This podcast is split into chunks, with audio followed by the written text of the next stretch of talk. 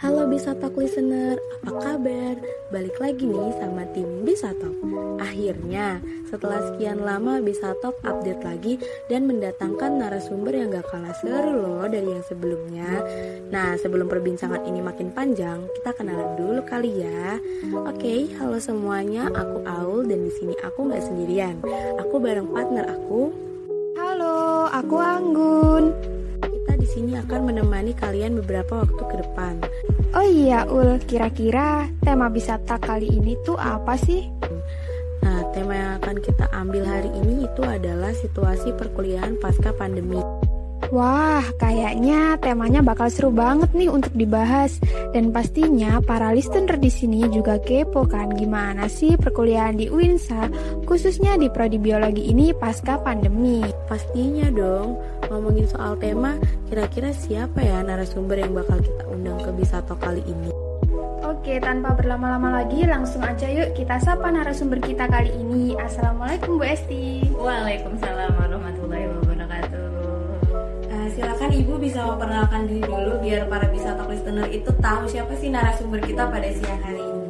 Oke, makasih Mbak Anggun, makasih Mbak Aul. Um, kepada para pendengar, perkenalkan, nama saya adalah Esti Tiastirin, biasanya dipanggil Ibu Esti. Uh, untuk saat ini di tahun 2022 ini masih diamanahkan sebagai ketua program studi biologi di UIN Sunan Ampel Surabaya. Ibu Esti, gimana nih kabarnya? Sekarang lagi sibuk apa aja? Oh, alhamdulillah, alhamdulillah masih sehat, uh, masih bisa beraktivitas dan ini berhubung akhir semester ya. Kalau akhir semester itu biasanya kesibukannya uh, persiapan UAS dan karena kebetulan sekarang semesternya semester genap, ini juga menyongsong untuk ujian-ujian sidang yang tingkat akhir. Dan karena kebetulan juga ini uh, mau ke kampus juga eh, jadi juga nanti rencananya di bulan persiapan ke kampus juga sebelumnya kita dari tim wisata mau berterima kasih banyak kepada Bu Esti karena udah nyempetin waktunya untuk hadir dan menjadi narasumber di podcast wisata di tengah-tengah kesibukannya yang sangat sibuk ya saya Bu Esti tetap menyempatkan waktu Terima kasih, terima kasih juga ini kesempatan pertama nih saya apa bermain-main di podcast. Oke, jadi di sini kita mau sharing-sharing santai soal perkuliahan pasca pandemi khususnya di prodi biologi. Jadi gini bukan setelah kurang lebih 2 tahun ya Indonesia udah mengalami pandemi COVID sampai sekarang udah mulai normal. Ada nggak sih perubahan dalam proses belajar mengajar khususnya di kampus? pastinya banyak perubahan banyak perubahan sekali karena uh, ketika pandemi pertama kali datang ke Indonesia kita semua kan kaget ya gimana nih lakukan pembelajaran daring dari yang nggak mengerti namanya telekonferensi itu akhirnya juga baru tuh kenalan sama Zoom, Google Classroom dulu. Ya. Tapi dua tahun berjalan ternyata sudah mulai kebiasaan nih orang-orang. Termasuk dosennya sudah kebiasaan juga untuk daring. Jadi ketika sekarang alhamdulillah pandemi mulai membaik uh, kita dipaksa lagi untuk melakukan kebiasaan yang lama. Ya jadi ya membiasakan lagi untuk ketemu di kampus berinteraksi langsung juga butuh waktu juga sih membiasakan lalu apa saja persiapan prodi biologi hingga memutuskan untuk 100% luring dan apakah prodi sendiri memikirkan dampak negatifnya Oke, untuk uh, jadi gini, mungkin yang perlu saya tekankan dulu mengenai keputusan 100% luring ini bukan sekedar dari prodi biologi saja ya. Jadi kan kalau kita bicara kebijakan itu ada top manajemennya di pihak rektorat sampai middle manajemen di pihak fakultas sampai yang kita sendiri ya di prodi yang lower manajemennya. Jadi ketika akhirnya diputuskan untuk mulai 100% di tahun 2022 ini sebenarnya pencetus paling utamanya tentu saja ketika uh, mudik itu sudah mulai diperbolehkan. Sebenarnya sih kalau dari kalau mundur lagi dari awal ya dari tahun 2020 ini uh, di akhir 2020 saya bisa bilang 80% kita daring 20% kita tetap ruling. Karena waktu itu akhirnya alhamdulillah dari rektorat sudah mengizinkan juga untuk setidaknya yang lagi sidang-sidang nih yang butuh apa ke lab untuk riset itu boleh masuk. Itu di tahun 2020 2021 juga akhirnya karena Kemendikbudnya juga sudah memberikan keleluasaan ya oke monggo sekarang institusinya boleh bikin kebijakan sendiri tinggal tergantung Pemda.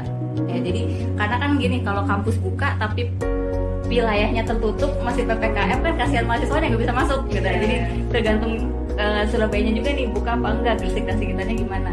Akhirnya tahun 2021 alhamdulillah ppkm-nya kalau nggak salah level 3 level 4 ya sekitar 2021 itu.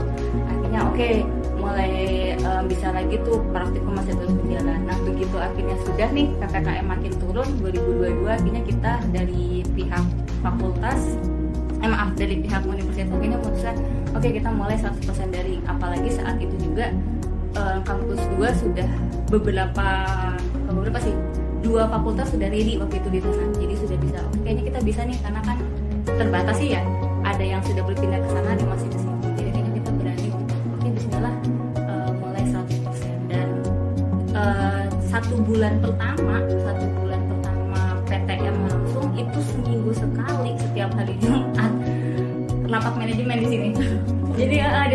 jadi setiap fakultas baik saintek baby seminggu pertama gimana? Ada masalah nggak? Ada ada kejadian sakit atau gimana? Minggu berikutnya gitu. Jadi satu bulan pertama begitu terus sampai akhirnya minggu karena dinilai aman sudah dilanjutkan seperti biasa. Alhamdulillah sih sejauh ini aman lah insya Allah ya.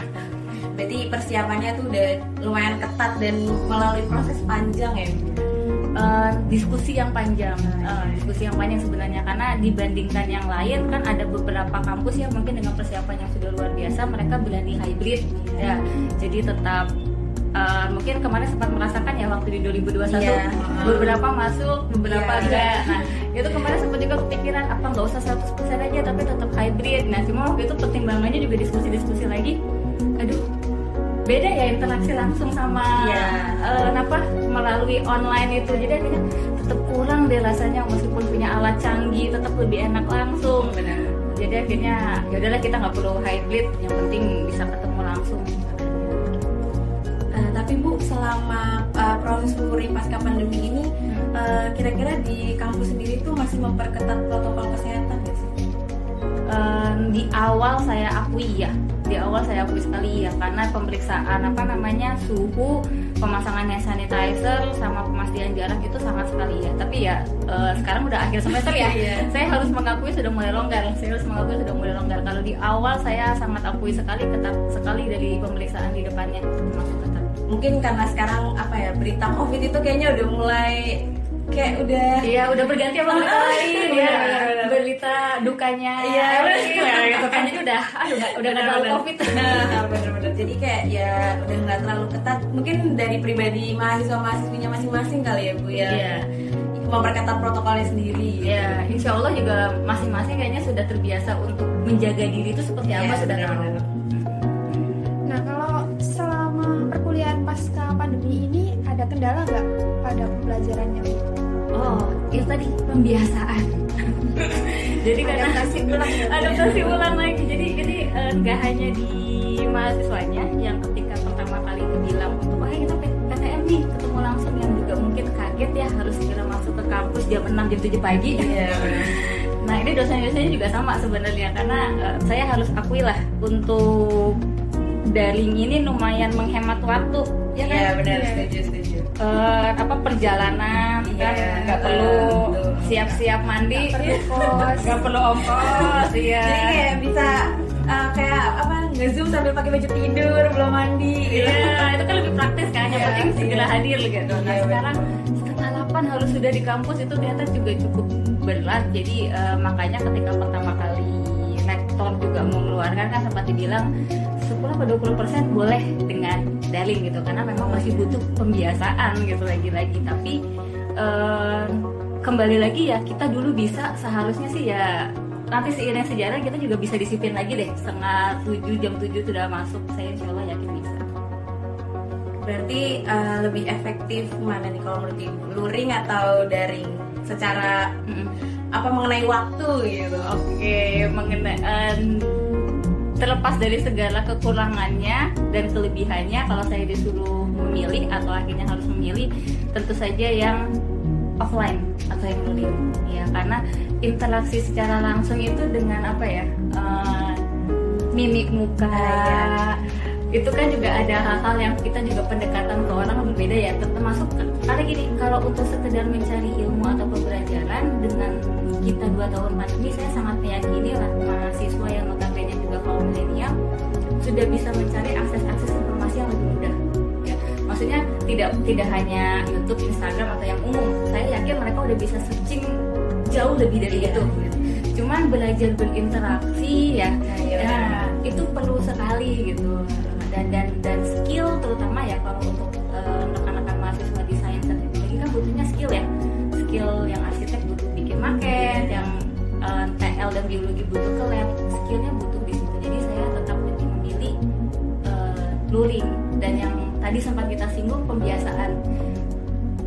semakin lama kita membiasakan diri insya Allah kan dia punya kebiasaan disiplin yang baik kan? Disiplin bangun pagi disiplin on time nah kembali itulah. Kalau sekarang masih ngalet-ngalet masih sulit ya sudahlah. Proses belajar gitu Iya. kan proses belajar tapi saya yakin dulu aja 2018-17 bisa kok gitu kan. Caranya membagi waktu habis praktikum langsung ke kuliah habis kuliah ada kegiatan seminar ada apa. Iya. dulu bisa ah sekarang nggak apa-apa lah masih dinikmati dulu gitu. Tapi eh, terlepas dari apa pun itu menurut saya positifnya tetap lebih banyak soal waktu kan udah jadi kewajiban lah ya. Untuk seorang mahasiswa atau mahasiswi kayak harus bangun pagi terus kayak dengan jadwal kuliah yang sangat padat udah jadi kewajiban. Cuma ya karena lebih efektif itu kan luring iya betul betul betul. Jadi mengasah kepercayaan diri juga kan apalagi kayak waktu misal kayak presentasi public Hmm. speakingnya gitu kan. Bener-bener karena beda eh, ngomong di depan kamera sama ngomong di depan teman-temannya Iya, sendiri gitu bener. makanya bener bener bener bener banget belajar belajar apalagi pasti kayak buat dosen tuh kalau misalnya anak-anaknya pada off cam kayak sendiri. Ya walaupun di kelas tuh kadang nggak disautin tapi kan kelihatan lah anak-anaknya lagi ngapain. Tapi kan Iya. kalau uh, offline itu eh online itu nggak kelihatan. Anaknya lagi ngapain kok? Kita ngomong didimin aja. Ya, gitu. itu it's true it's true banget. It's true bener bener bener mbak Ulia ini bener banget kan udah kurang lebih dua tahun nggak ke kampus, Mhm. khususnya buat mahasiswa baru kan Iya. belum pernah ke kampus, terus baru masuk pasca pandemi ini. Ada nggak sih yang komplain tentang fasilitas di kampus ini? Eh, Iya kemarin saya sempat tanya yang paling pertama itu adalah masalah wifi yang paling banyak komplain bukan paling banyak sih maaf yang pertama kali sempat saya dengar itu masalah wifi karena memang eh, terpampang wifi-nya gratis bisa dikasih akses cuman lemotnya luar biasa ya. Saya eh, waduh ini entah antara baiknya yang memang kecil atau rebutan sekian banyak gitu tapi itu yang pertama. Terus kalau masalah fasilitas ruang eh, sejauh ini sih alhamdulillah saya harus akui memang kita tidak yang luar biasa sekali ruangannya tapi yang mendengarkan atau sampai langsung ke saya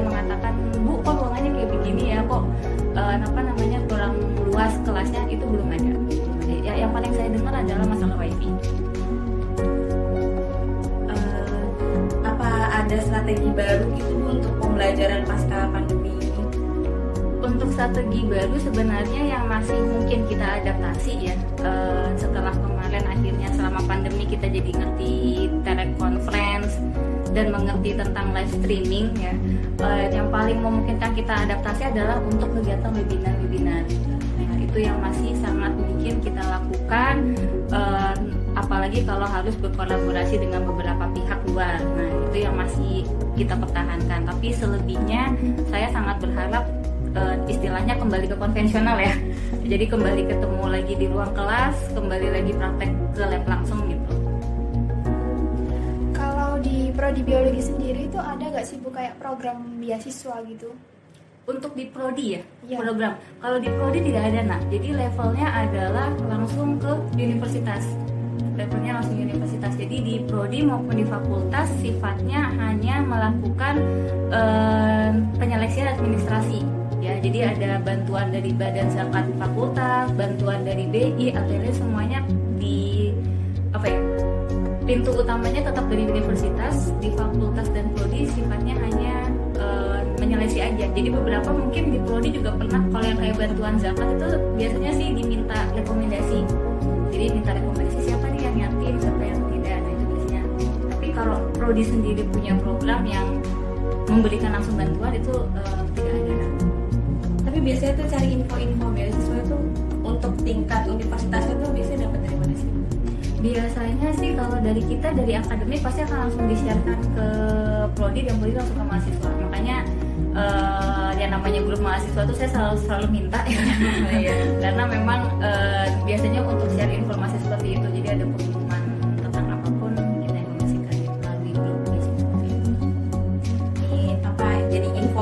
nih buat anak biologi ya pasti yang mau cari-cari beasiswa gitu jadi terjawab Nah kan tadi kan Bu Esti tuh udah ngegubris ya tadi kayak kita mau pindah ke kampus dua gitu. Ternyata kita udah punya oh. kampus dua. Bisa gak sih Bu di spill gitu? Barangkali nih bisa atau standar di rumah tuh kepo kapan sih? Kayak yeah. kita tuh pindah kampus dua khususnya prodi biologi sendiri gitu.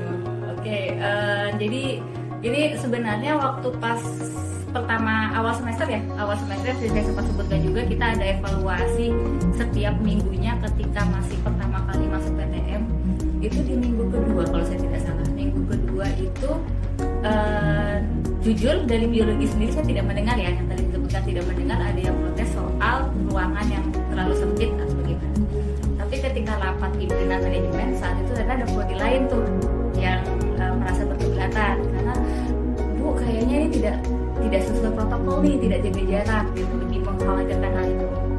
Akhirnya di masuk minggu ketiga kita langsung ke kampus 2 dan sebenarnya saya bisa bilang untuk ruang kuliah ya itu sudah 98% ya kursi LCD papan tulis itu sudah ready. Bahkan sebenarnya kita di bulan kedua itu sudah ditawarkan juga sama rektor e, monggo mau diisikah ruangan kelasnya gitu jadi AC juga waktu itu udah masuk e, pas di bulan pertama AC udah masuk chat udah selesai pokoknya sudah 98% udah ready lah. Kalau nggak salah waktu itu cuma tinggal bersihin apa istilahnya kayak bersihin debu-debu sisa ya, ya. cuma permasalahannya waktu itu adalah lab. Labnya itu um, alat belum masuk semua. Jadi waktu itu dari sekian ratus alat mikroskop udah masuk lab sudah masuk tapi istilahnya belum semua alat datang. Akhirnya waktu itu saya um, memutuskan uh, maksudnya saya juga ngobrol sih dengan beberapa dosen. Gimana nih kita mau mengisi kelas di sana atau tidak gitu. Kebayang aduh anak-anak pagi ngajar di sana kelas teori habis itu sorenya nanti kalau praktikum ke sini. Kan kasihan juga ya. Mandir. Benar mandir gitu kan. Aduh kayak kasihan juga. Ya udahlah Bismillah deh. Karena tadi yang saya bilang kayaknya kalau di biologi nggak ada yang protes kalau masalah kelas. Sudahlah Bismillah bersabar dulu aja. Jadi semester ini stay di sini. Uh, target saya target saya sebenarnya saya juga udah bilang ke pimpinan uh, akhir semester ini. Jadi saya harapnya akhir semester kuliahan sudah selesai terutama lab. Karena kalau kuliahan sudah selesai kan praktikum udah beres. Ya harapan saya juga yang tugas akhir juga udah beres. Jadi saya ngangkut-ngangkut alat labnya gampang gitu. Ini kalau masih setengah dipakai kan gak enak ya. Yeah. kalian lagi praktikum ya, ternyata udah ada yang dibawa oh, ternyata autoklafnya udah diambil gitu kan. Aduh kan kasihan gitu kan. Ada nanti saya sih insya Allah di bulan semester kita berpindah. Karena uh, secara garis besar tadi hanya tinggal mengatur lab saja. Jadi ruang kelas sudah ready. Bahkan ruang dosen tuh masih kosong. Di luar ruang kelas yang udah rapi tapi insya Allah kalau sekarang ruang dosennya juga sudah ready. Tinggal alat-alatnya saja yang dilengkapi. Info menarik banget nih pasti buat bisa talk akhirnya bisa terjawab gitu. Udah ada bayangan kapan mau pindah kampus dua gitu pasti kan udah kepo banget ya sama kampus dua kapan masuk gitu ya kapan iya. sana? Soalnya biasanya cuma lihat dari luar bu. Kan pengen ngerasain masuk dalam gitu. Lumayan loh kita sembilan kita gedung depannya lagi sembilan lantai. Oh, ada oh. lift ya bu? Ada ada. Wow. Ada, ada, ada. tenang ada liftnya nggak capek. Iya benar. Itu yang sangat menarik wah nggak kerasa nih. Ternyata pertanyaannya udah habis, Bu. Oke. Seru banget ya ternyata obrolan siang hari ini dan dapat info yang bener-bener menarik nih. Semua anak biologi kalau nonton ini udah terjawab sih semua yang dikepoin ya kan nih bener-bener from the oven gitu masih fresh gitu ya. Nah, sekali lagi makasih buat Bu Esti udah bisa hadir dan kasih info seputar perkuliahan pasca pandemi khususnya buat warga biologi. Sebelum kita tutup, apa dari Bu Esti sendiri ada tambahan atau pesan yang ingin disampaikan untuk para wisata listener khususnya mahasiswa atau mahasiswa biologi? Oke, uh, jadi khusus untuk mahasiswa biologi ya. Oh sorry, ya, umum dulu, umum untuk semuanya, termasuk mahasiswa biologi, termasuk pendengar umum. Uh, meskipun judulnya adalah pasca pandemi ya, pasca pandemi, tapi saya sudah meyakini semuanya sudah mengerti protokol kesehatan itu gimana. Semoga tetap terjaga, yang namanya jaga kesehatan ya kan. Sudah sudah belajar lah dari kemarin pentingnya jaga kesehatan. Semoga terus dijaga kesehatannya masing-masing, karena kesehatan itu modal yang paling awal banget untuk aktivitasnya kalian semua. Lalu untuk yang khusus mahasiswa biologinya semangat ya. E, tadi sudah disinggung pembiasaan ketemu sama hal-hal baru untuk bangun pagi untuk lebih disiplin dan sebagainya. Selamat beraktivitas kembali ya. Semoga nanti semakin lancar dan nanti juga di kampus duanya dengan suasana baru juga akan semakin Wah, banyak banget nih informasi yang udah kita dapet di podcast kali ini. Sekali lagi, terima kasih buat Bu Esti yang udah nyempetin hadir. Kami dari tim Bisa Talk, pamit undur diri ya. Buat para listener, sampai jumpa di podcast kita selanjutnya.